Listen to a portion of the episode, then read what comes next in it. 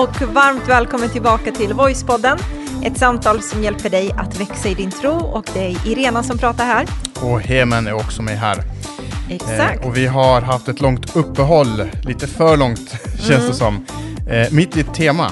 Eh, vi brukar inte göra så, men när eh, värmen kom i slutet på juni så, och, och vi kände oss riktigt så här eh, Och den intensiva våren var där och liksom, ja, låg Mm. bakom.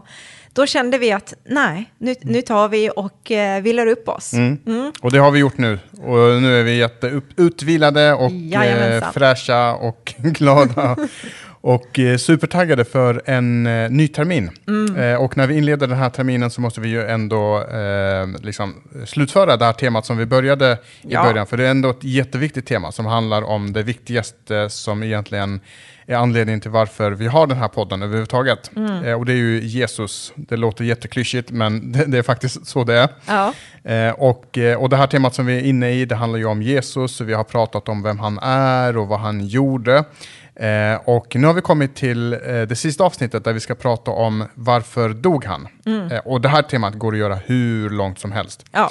Eh, men det här var det vi planerade eh, hittills i alla fall. Ja, det ska bli eh, riktigt kul faktiskt. Att avsluta lite, blicka framåt, även om det är inte så att det är jobbigt att prata om det här, det är ju fantastiskt liksom.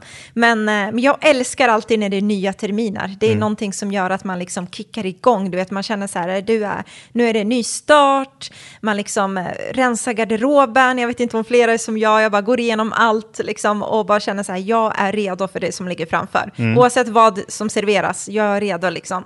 Och du älskar ju hösten, det gör ju Ja. inte jag. Nej, det är väl Eh, en sorg jag har där. Så du, du ser ju fram emot eh, det här av flera, flera anledningar. Eh, men nu är vi inne i det här temat och hela det här temat har handlat om, eh, om Jesus. Eh, och, eh, och det handlar om att beskriva en person egentligen, en person som också är Gud. Eh, och på tal då om att beskriva en person, Irena, så var ju du och jag på en, eh, eh, ett kalas kan man säga. Fest. Eh, eller fest, kalas låter som Fyll, att det är... Fyller man eh, över 30, 40, 50 då är det inte kalas längre. 30 till och med. Då är det fest. Ja, precis. Nej, men, och då, då var det liksom en födelsedagsfest för en person som fyller 40 år gammal. Vi var där, vi, vi fick äran att vara med på den festen. Det var jättehärligt, god mat och jätteroliga lekar och alla möjliga Härliga personligheter, alltihopa. härliga personligheter. Precis. Eh, och, eh, och, och det var... Eh, och den här personen är kristen, så han, och han hade bjudit dit massor med människor, så det var ett jättestort rum. Jag tror säkert det var, kan det ha varit en hundra pers? Ja, jag tror det också. Definitivt. Så det var ja. jättemycket människor, så en, liksom en älskad person som är omtyckt. Eh, och, eh, och då på sådana här fester så ska man ju ha, hålla sina tal och folk får gå fram och berätta liksom om någonting om den här eh, personen. Ja. Eh, och, eh, och sen så är det några som håller tal och sen eh, lite under festen så går en kvinna upp och eh, ska hålla tal och, och, om, den här person, om den här personen som fyller år då. Eh, och, eh, och du vet hur det är, du vet när, när någon har tänkt till lite extra, du vet, och ansträngt sig lite extra och inte bara säger jag minns när vi träffades för första gången eller något sånt där, utan verkligen vill göra någonting kreativt av det. Ja. Eh, så den här kvinnan då hade gjort det här och ansträngt sig lite extra och just den dagen när han fyllde 40, eller den perioden, den månaden eller vad det nu var, eh, så visade det sig att det var någonting annat som också fyllde 40. Eh, och det var Volvo 740 tror jag, eller 760 eller Ja, något det var sånt där. någon, någon siffra. Precis, som ni, ni, ni som känner mig vet ju att jag kan ingenting om bilar. Eh, men jag vet vad en 740 är, det är en jättekantig bil som är enkel att rita. eh, Kolla, ungefär. där Mm. ser man. Eh, Så, hon, så de- den eh, bilen fyllde 40 år och hon hade läst en artikel om den här bilen. Eh, och, och så såg hon, och så berättade hon då i sitt tal att när jag läste den här artikeln så såg jag jättemycket likheter mellan dig och den här bilen då. Ja. Eh, och det var ju väldigt kreativt att kunna dra liksom de här eh, parallellerna. Eh, och det var ju till exempel att när Volvo 740 kom eh, så tog den världen med storm, liksom, för den var väldigt speciell den bilen. Eh, och han är ju en person som är väldigt extrovert och när han kommer in i ett rum så tar han liksom hela rummet med storm. Och, ja, det var Eh. väldigt så genomtänkt och välarbetat. Så var det ju, Precis, den han- här jämförelsen. Ja. Exakt, så han tar plats och det var det första. Liksom. Och det andra, det var ju att eh, den här bilen på den tiden var det den, snabbast, den bilen som hade snabbast acceleration. Mm. Eh, och det var nummer två, liksom, och den här killen som fyllde år då, att men, han är snabb med saker och när saker Handlingskraftig, och när saker ska göras, men då är han på och, och gör de här grejerna. Och sen så kom hon till den tredje saken och sa hon, och det som var speciellt, det tredje som var speciellt med Volvo 740, det var att jämfört med väldigt många andra bilar så var den välutrustad. och det är ju du, sa hon till den där mannen som, som, som fyllde år. Du är ju välutrustad och, eh, och, eh, och han är också evangelist. Eh, så hyr ni in den här personen så då kommer ni få en välutrustad evangelist till, till er. Och, och, du vet, och jag tittar runt och ah, det, ingen reagerar. och på vårt bord så kan vi inte, jag kunde inte... Alltså jag, det var typ du och jag, vi och våran vän faktiskt, jag ska inte Två vänner. Två vänner där. Alltså vi bara tittade på varandra och började typ asflabba. Och det var så hemskt för det var så här, hon gjorde ett så himla fint tal och det var välskrivet, genomtänkt, kom verkligen från hennes hjärta, har många års vänskap liksom med den här personen. Och man såg det där fina, rena hjärtat som bara liksom, du vet, så här, det var så fint bara och så alltihopa. satt vi där med mörka, sluskiga Ja, jag bara hjärtan. tänkte, ja men just det, välutrustade var, alltså jag, jag skrattade så mycket. Och du vet, det kändes som att man var typ tillbaka till, ja men du vet så här skolbänken så här, fröken har en eh, föreläsning eller liksom. Någon, så, någon prutta och så. Ja, och så ska bara hålla sig och, och alla är så seriösa och man bara, är det bara vi som hör det här liksom? Mm. Alltså det var ju så roligt. Alltså vi skrattade så mycket så att tårarna kom faktiskt, jag har aldrig sett dig. Nej men det var så kul. Mm. Det man kan konstatera det är att eh, den här, det här talet kommer vi minnas resten av våra liv. Så är det. Vi Mm. har varit på några fester där det, det har varit saker som man bara, det här kommer jag alltid minnas. Bröllopet där polisen kom Mm. Precis. in, eh, liksom 40-årsfesten där, där eh, ja, beskrivningen var väldigt eh, rolig. så att eh, det finns ju några fester där Mm. Så mycket, man, man mycket kommer bra betyg kan man, ja. kan man säga till, till, till, det här. Ja. Men nu ska vi beskriva en annan person Ja. eh, som, eh, eh, ja, som är väldigt bra. Och Som det är ju väldigt bra. Jesus. Och det är Jesus. Och det vi ska prata om idag, om kring Jesus, det är varför dog han? Varför var Jesus tvungen att dö? Och varför gör kristna en så stor grej av det här, att Jesus var tvungen att dö? Eh, många människor har dött genom åren och så vidare, men vad är det som är speciellt med att just Jesus eh, har dött? Eh, Mm. Eller inte många människor, alla människor som inte lever har dött. Ja. Men vad är det som är så speciellt med, eh, med Jesus? Så det tänkte jag att vi skulle prata kring i det här sista avsnittet i det här temat. Toppen, och nu så ska vi kasta oss in i det här ämnet och du pratar om det Heman, varför Jesus dog. Och det är ju verkligen det som vi liksom sätter vårt hopp till, just det här korsfästelsen, det här korset som vi går runt och bär liksom runt eh, som smycken. Och eh, men jag måste alltid liksom lägga till den här grejen, jag vet inte om det är någon grej jag har, men just så här att det är inte bara själva hans, att han dog som är det stora, även om vi ska prata om varför han gjorde det, utan det är just att han lever än idag och är uppstånden Ja. som gör det hela såhär wow, tänk liksom. För många har dött eh, och många har blivit upphängda på det där korset, men varför han dog ska vi få en förståelse för, men också att han lever än idag i uppstånden. Det är det som är styrkan i vår tro. Exakt, det är det som är det stora egentligen. Inte Ja. just att han dog, eh, det är också stort i sig, men just att han lever idag.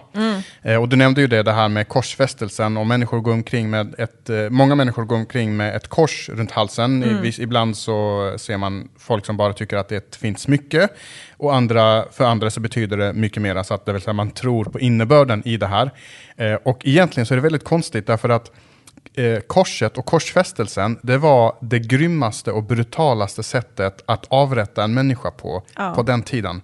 Och det var så brutalt så till och med romarna själva, som är ett av de mest brutala eh, folk, liksom, På den tiden på den- liksom, så var de brutala. Precis, ledarna Mm. i alla fall, eh, genom världshistorien, till och med de tyckte att nej, alltså det, här är, det här är för brutalt, Mm. vi måste sluta upp med det här. Så jag tror man slutar upp med det på År 500... Ja, 400, nå- nå- något sånt där. Men man slutar upp med det i alla fall och tyckte att det här var för brutalt. Och då tänker jag så här, tänk om alla människor skulle istället gå runt med typ en elektrisk stol, som också är ett sånt här tortyr redskap som är hemskt och som är förbjudet idag. Mm. Eh, Men, nej, men det, jag förstår vad du menar. Det är lite tvådelat. Det är, liksom, det är en symbol för något brutalt och någonting som man avskaffade. Och samtidigt så är det en symbol för hopp och tro. exakt. Eh, och, eh, Och runt jul, eller runt eh, påsk så, så är det många kyrkor som också gör de här, den här parallellen. Man gör ett kors och så ett lika med tecken och så ett hjärta bredvid. Ja. Alltså kors är lika med hjärta. Och det är det som blir då, hur kan ett tortyrredskap vara samma sak som kärlek eller ett hjärta? Eh, ja, och vi har ju tre anledningar. Eh, det, det finns säkert många bättre sätt att eh, lägga fram det här på, men vi, vi har tagit fram tre anledningar till varför vi tror att Jesus, eller varför man kan se i Bibeln att Jesus dog och valde då att gå hela vägen till då det här tortyrredskapet. Eh, För det ska vi också lägga till att det var ingen som tvingade Jesus dit. Det var inte så att man kom med våld och tog honom och han ville inte, utan han gav sig själv till oss. Han gav sig själv till då det här. precis. Så han, han, det var inget mord, utan det var, han gav sig själv till det här. Exakt. Mm. Och eh, det första som vi ska prata om nu är av dessa tre så är det att det krävde faktiskt en, en rättvis dom. Eh, för det är så att Gud är helig, han är allsmäktig, han är kärleksfull, men han är också rättvis. Rättvis i, i att skipa rätt eh, och Gud behöver eh, liksom skipa rätt i olika situationer. Eh, rättvis gentemot hur han ser på synden och syndens konsekvens. Tittar man på Gamla Testamentet så ser man där väldigt tydligt liksom att leva i Guds närvaro med Gud, eh, följa Gud och att vara utanför Guds beskyddat, utanför en relation med Gud, eh, att ha, leva i synden, vilka konsekvenser det var liksom. Och det här är egentligen inget konstigt, och det, och det här är något som vi skulle förvänta oss av en skapar-Gud. Alltså den som skapar hela universum. Vi förväntar oss att den personen, den, eller vem, vad det nu är, eh, är nå- något eller någon som är rättvis. Alltså vi, vi förväntar oss inte orättvisa. Och vi förväntar oss inte heller någon som ser mellan fingrarna. Nej. Alltså att han ser på när orättvisor sker, när människor dödar varandra, mördar varandra, ljuger, stjäl och så vidare. Och sen så bara rycker han på axlarna och säger eh, peace, love and understanding och bara kärlek. Liksom. Utan, utan vi förväntar oss att, att denna guden är en rättvis gud. Absolut är det så. Sen kan jag tycka att man som människa ibland kan känna så att man alltid kompromissar för sin egen del i vissa saker. Man kan ju tycka så här, nej men jag är väl inte så, så, så. Jag tycker man tar i lite väl för att jag ändå gjort dittan och dattan. Men om man tittar i, i Gamla Testamentet, om man börjar där, så ser man tydligt att någon behöver ju betala skulden för liksom synden. Eh, och redan där tidigt i skapelsen så beskrivs det att syndens lön är lika med död. Alltså det finns konsekvenser utav det. Och genom hela liksom gamla testament så, så ser man där att det är någon som behöver ta konsekvenserna för min synd. Mm. Och det sker egentligen redan eh, just eh, efter skilsmässan mellan människan och Gud i, eh, i, i- liksom, Första Moseboken i, i. Precis, första Moseboken, Edens lustgård där när Adam och Eva tar ett beslut som går emot det som eh, Gud hade sagt. Liksom, Gud hade gett eh, här, en miljon olika valalternativ, men så fanns Mm. det ett enda valalternativ som de inte fick göra. Och anledningen till att det var på det sättet är att det enda sättet att skapa fri vilja, det måste finnas mer än ett alternativ att välja Ja. på. Men det var inte så att det var liksom, eh, att det var frestande, det fanns ett bra alternativ och ett dåligt, utan det fanns verkligen en miljon bra. Ni får, han sa det, ni får äta från vilka träd ni vill, men det finns två träd ni inte ska röra.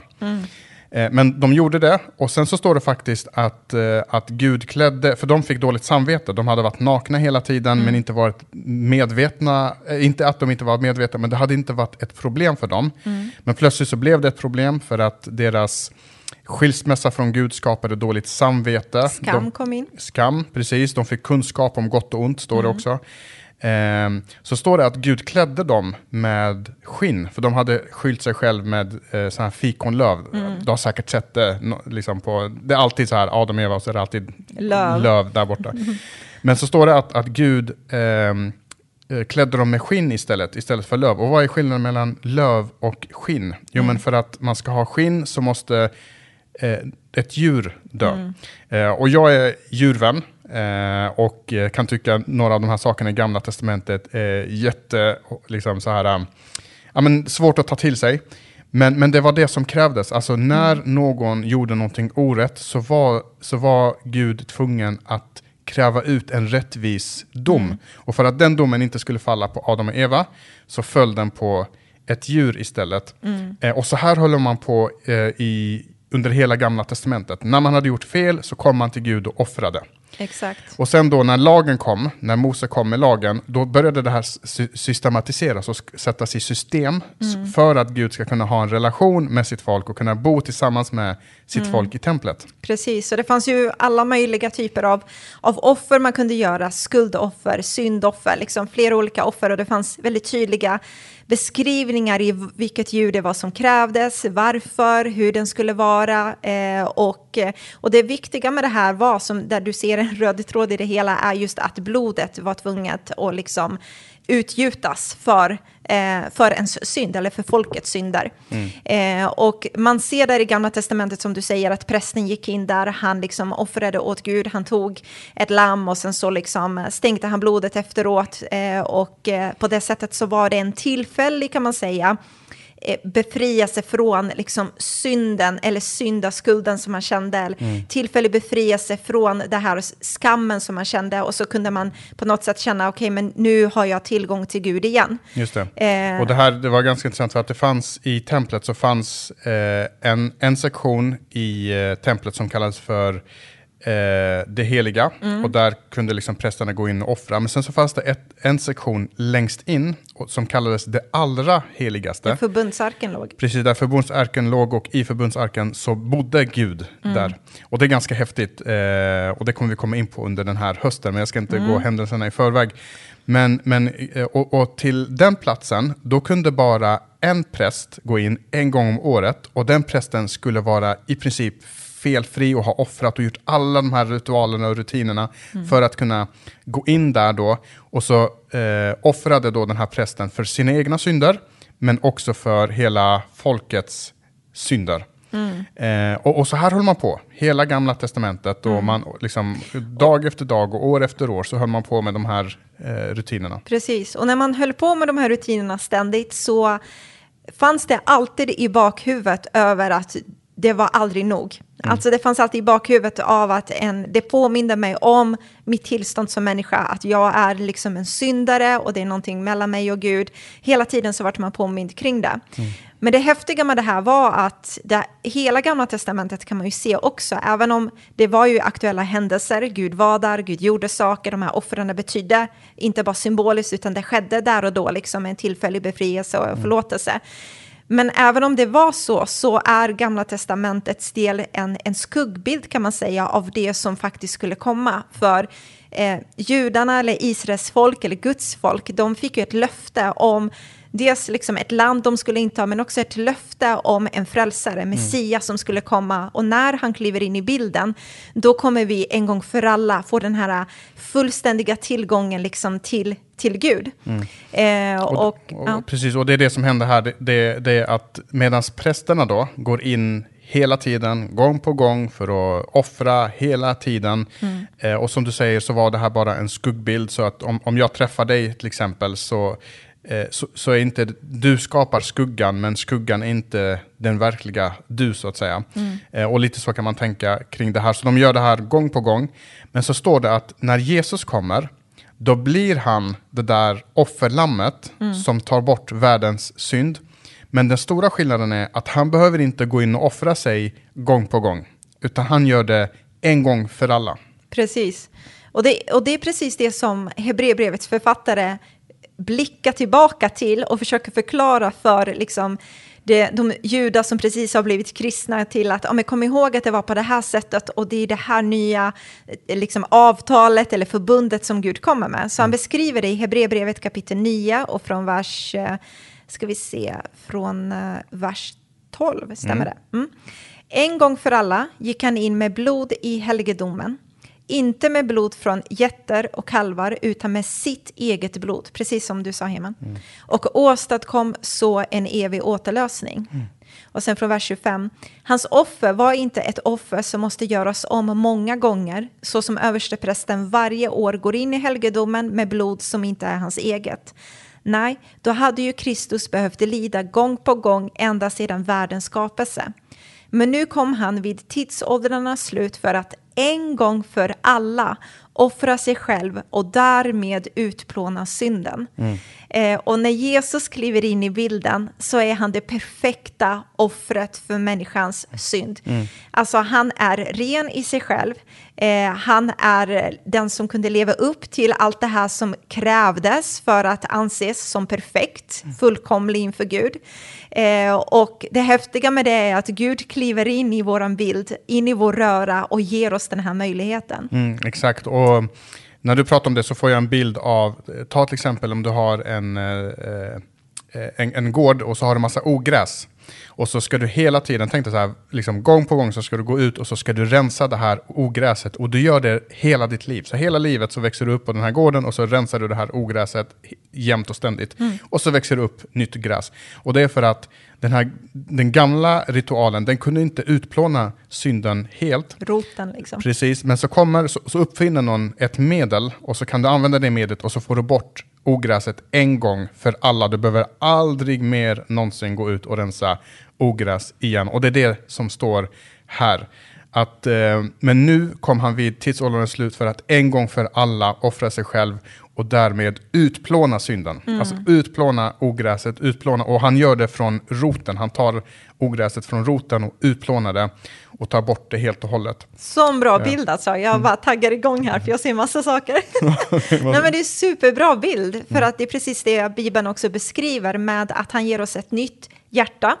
Eh, eh, inte av stenhjärta utan av kött och blod. Liksom att han gör oss på nytt födda, Guds mm. ande som kommer där och blåser liv. Alltså allt det här, Guds förvandlingsverk i oss är ju från djupet och sen utåt. Precis, och det är när, man, det är när ogräset försvinner, alltså ogräset Problemet med ogräs, förutom att det inte ser snyggt ut, det är ju att det drar näring från sån näring som de andra växterna mm. skulle ha. Så det, det också. Så, så ogräset kväver, liksom, och det kan man också säga, som en bild, ogräset kväver våra, äh, synden kräver våra eh, liv och, och, och, så vidare. Mm. Men en sak som är också intressant här, det är just det här att det står att han, han har en, en evig återlösning. Alltså det är inte bara för, för en gång och sen måste han upprepa det, utan den är evig. Och anledningen till att det är så, det är just för att till skillnad från djur och till skillnad från människor, så är Gud evig. Mm. Och Jesus är Gud själv. Och det är därför det han gjorde, det har eviga konsekvenser. Det är inte bara en engångsgrej som man måste återupprepa. Oh. återupprepa. Um, och så finns det också den här grejen med varför just Jesus? Vad var det som gjorde Jesus unik jämfört med, med andra? Mm. Uh, och det vi inte har nämnt än det är ju att de här prästerna som skulle offra de här djuren, de här djuren var ju tvungna att vara felfria. Mm. Eh, det kunde inte vara ett eh, djur som, djur som, är, som är halt eller blint Nej. eller har en skada. Eller så. Det måste vara ett felfritt djur för att mm. leva upp till den här symbolen att om jag själv har en skuld så kan inte jag betala någon annans skuld. Exakt.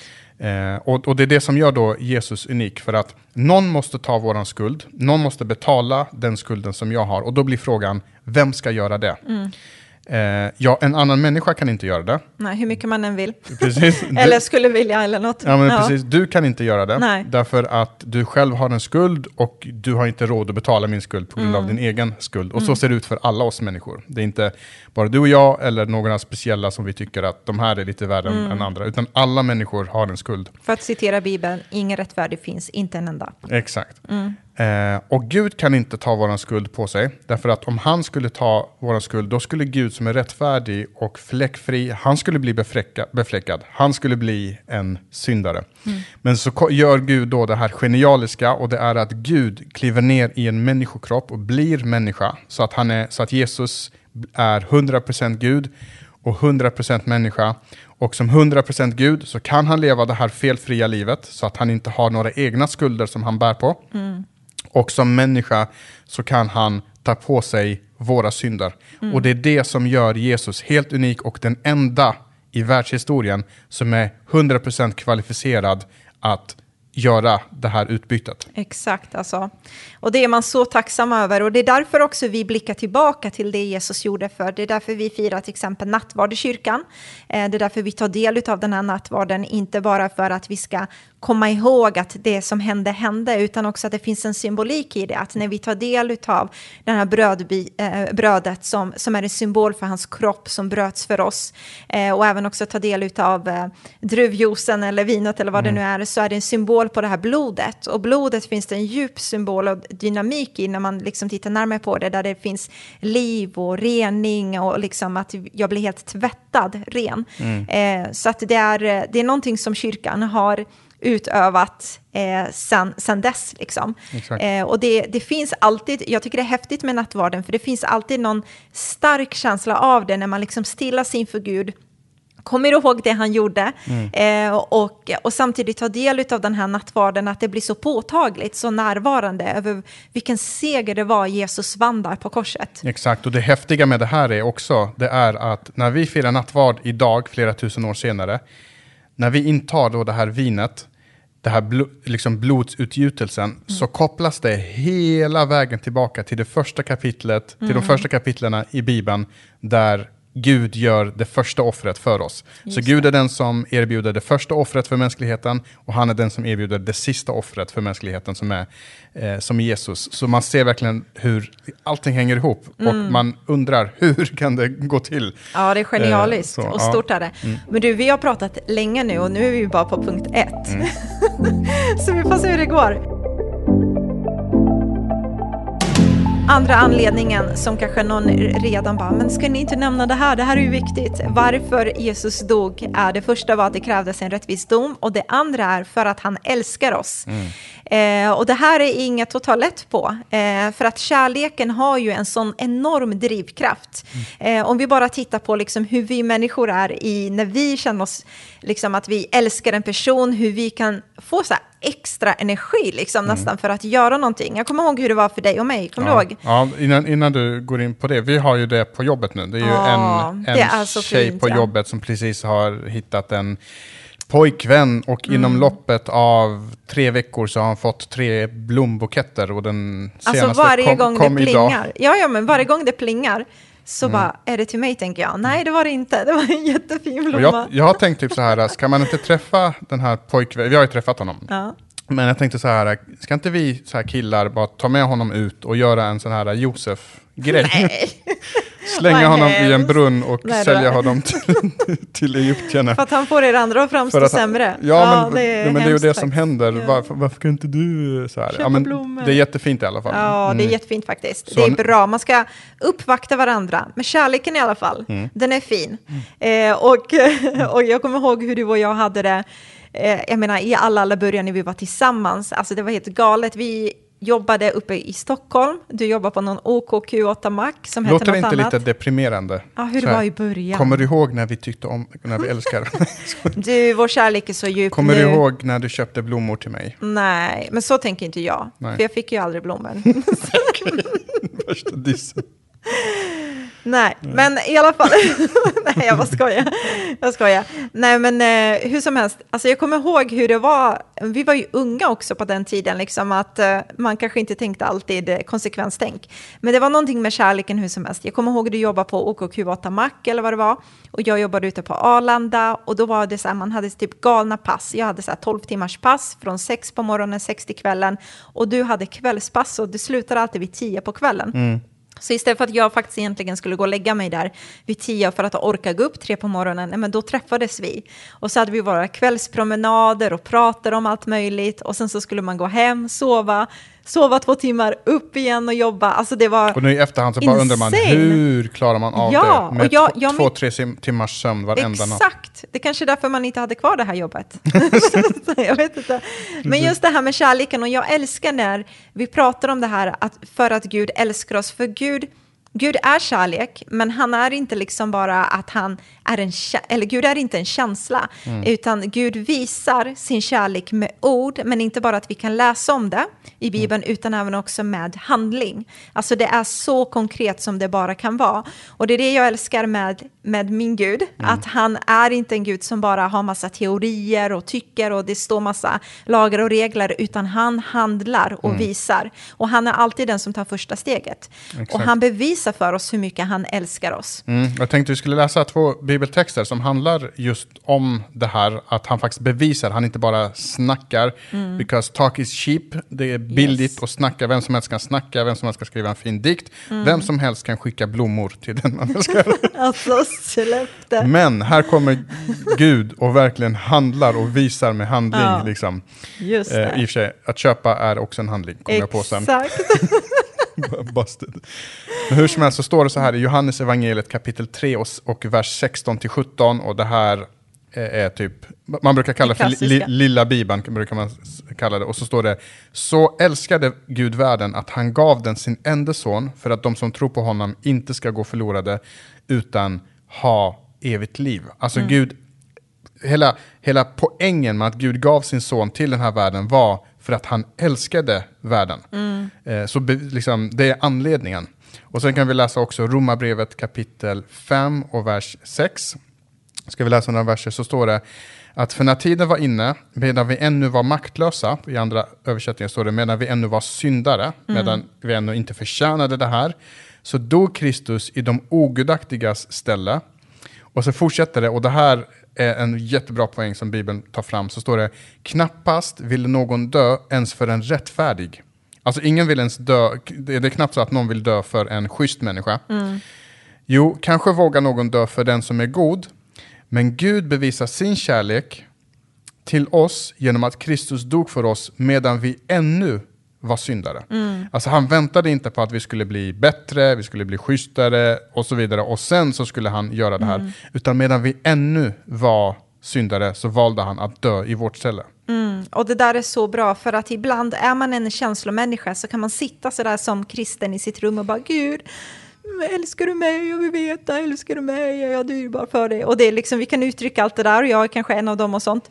Och så bara, men titta bara på vad han har gjort för dig. Alltså Gud skulle inte behöva göra någonting mer egentligen för mig än det han redan har gjort. Mm, och ändå gör han det. Och ändå gör han det, mm, exakt. Varje dag. Ja, men just det här, alltså wow-faktorn är att han älskar mig trots att jag inte har gjort mig förtjänt av det. Mm. Och jag älskar precis som du säger att man lyfter fram den här delen med att man vill någon liksom ja, men ge sitt liv för någon som man tycker är liksom ganska bra eller god och så vidare.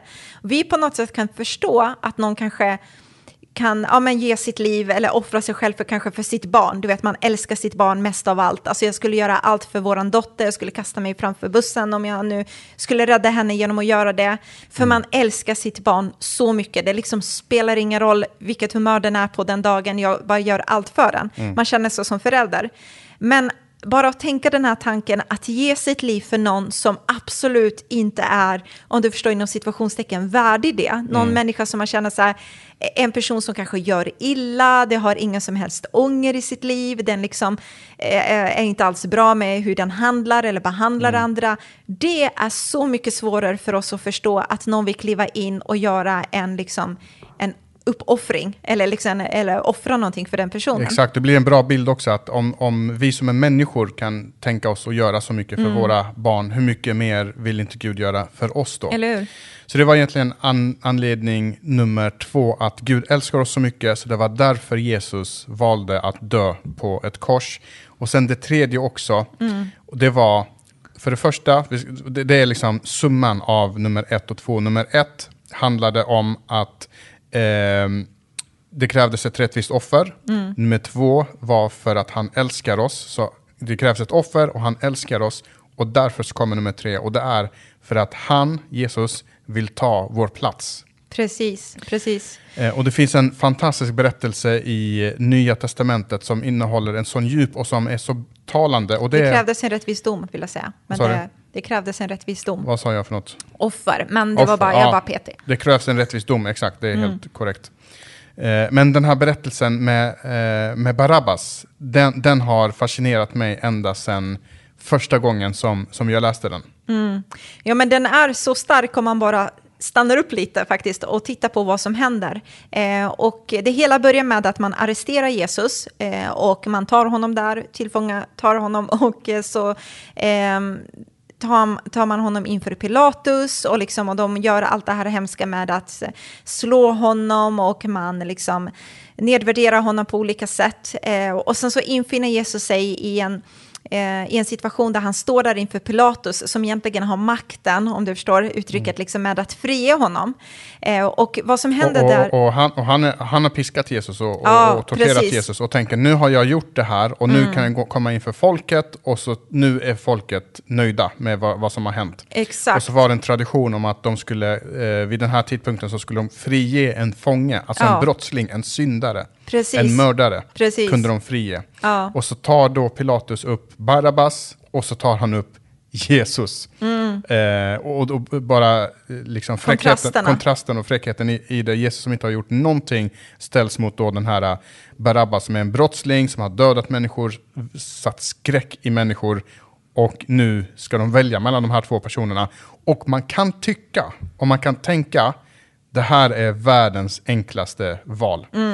Det är inte som så här äh, när vår dotter frågar pappa, skulle du dricka kiss eller äta bajs? Du måste välja. ja, precis. Det här är världens enklaste Ja, val. där har du en, en människa som inte har gjort en fluga förnärmad, säger Mm. man så, och en, någon annan som liksom bara det skriker all våldskapital han har bakom sig. Liksom. Mm. Eh, men där så, Pilatus tror ju att, han, att makten på något sätt ligger liksom i hans händer. Mm. Ja, så han ger människorna den här möjligheten, vad vill ni ha? Man kunde välja, precis som du säger, mellan Jesus och Barabbas. Alltså, det går inte så att jämföra egentligen. Och vi vet inte så mycket om Barabbas, men det vi vet, som Bibeln liksom lyfter fram och som beskrivs om honom, är att han verkar vara någon slags brottsling, han verkar vara någon rebell, jag vet inte, någon mördare. Han förtjänade helt enkelt liksom det här straffet. Han förtjänar att sitta inne, han förtjänar att vara låst. Eh, och vad folket gör är ju något helt galet. Man förstår inte riktigt så här, har ni förnuftet inne eller hur, hur är det? Det är som att det är en liksom, hypnos över Ja. människorna. Och så börjar de skrika ge oss Barabbas, ge Mm. oss Barabbas. Liksom, folket vill att Barabbas ska gå fri. Och jag älskar att måla upp liksom dessa olika situationer som jag kan läsa om i Bibeln, för jag ser där hur Barabbas, som är, om vi tar det lite till nutida, den här lilla gangsterkillen, liksom, som hans vänner är där, de ser att han ska snart bli liksom släppt. Jesus, vem är det? Liksom, du vet så. Och, eh, och vad ska man göra med Jesus då? Säger Pilatus. Vad ska jag göra med honom? Bara korsfäst honom. Korsfäst honom. Och så är det någon som till och med uttrycker där, låt hans blod komma över oss och våra barn. Eh, och det är något starkt att säga det där, för det man säger är att vi tar, vi tar eh, ansvaret för hans död. Exakt. Det är vad man säger och man förstår inte vad man gör där och då. Eh, Och Barabbas, han, bara, han, han, han blir ju frisläppt Ja. eh, till slut. Och det finns ingen tillstymmelse av ånger i hans liv. Det finns Nej. ingen tillstymmelse att han tittar tillbaka, får ögonkontakt med Jesus och säger tack Jesus för att du tar min plats eller någonting sånt där. Utan han går bara därifrån och yeah, om man tar den här äh, gangsterbilden, yes, nu, nu, nu är jag fri och redan i sinnet kanske han planerat nästa grej eh, eh, som man ska uträtta. Så hela den här grejen är bara så sjuk på så många olika sätt och vis. Men den innehåller ett sånt djup eh, när man börjar tänka lite djupare på det.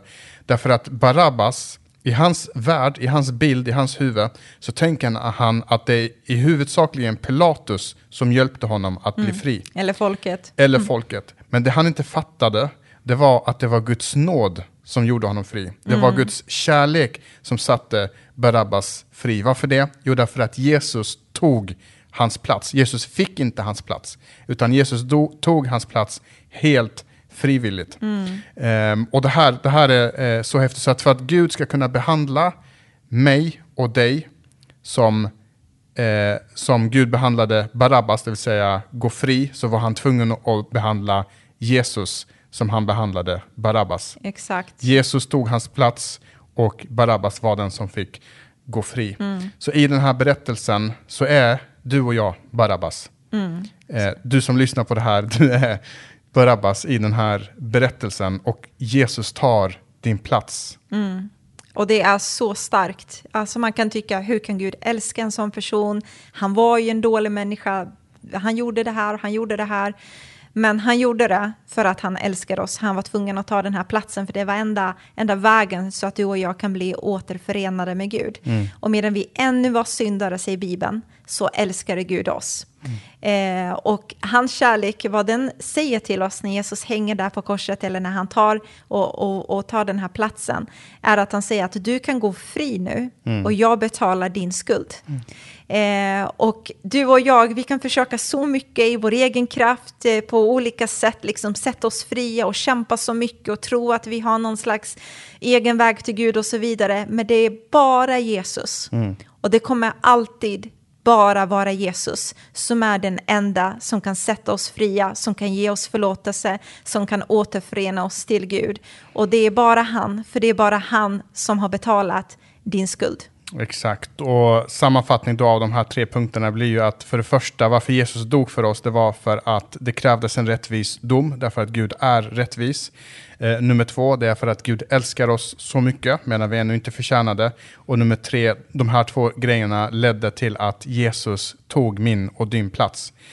Och det leder oss också till det här ämnet som vi pratade om i början. Hur kan ett kors, hur kan ett tortyrredskap symbolisera kärlek? Jo, här har vi det.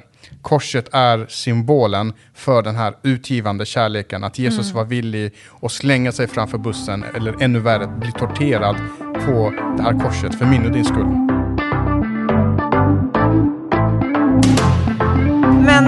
Tack så jättemycket du som lyssnar, att du fortsätter att lyssna på oss. Och för dig som är ny och eh, hör kanske oss för första gången, lyssna på hela det här temat med Jesus så får du med dig allt. Du får gärna prenumerera också om du inte redan gör det. Eller följa heter det numera på Följa. Spotify och sådana saker. Ja, kolla. Ja. Men gör det gärna, följ oss, prenumerera, följ och eh, så är vi tillbaka nästa vecka med nya, nytt tema. Hemma. Med ett nytt tema, och det här kommer att blow your mind away. Yeah. Jag ger en liten cliffhanger nu, för Do att eh, det här temat som vi kommer ha nu, vi kommer starta ett nytt tema, och det här temat kommer vara det mest episka temat vi någonsin har haft i Voice historia, i Voice-poddens historia. Ja. Eh, det här temat kommer sträcka sig över hela hösten, och jag lovar, du kommer inte bli uttråkad.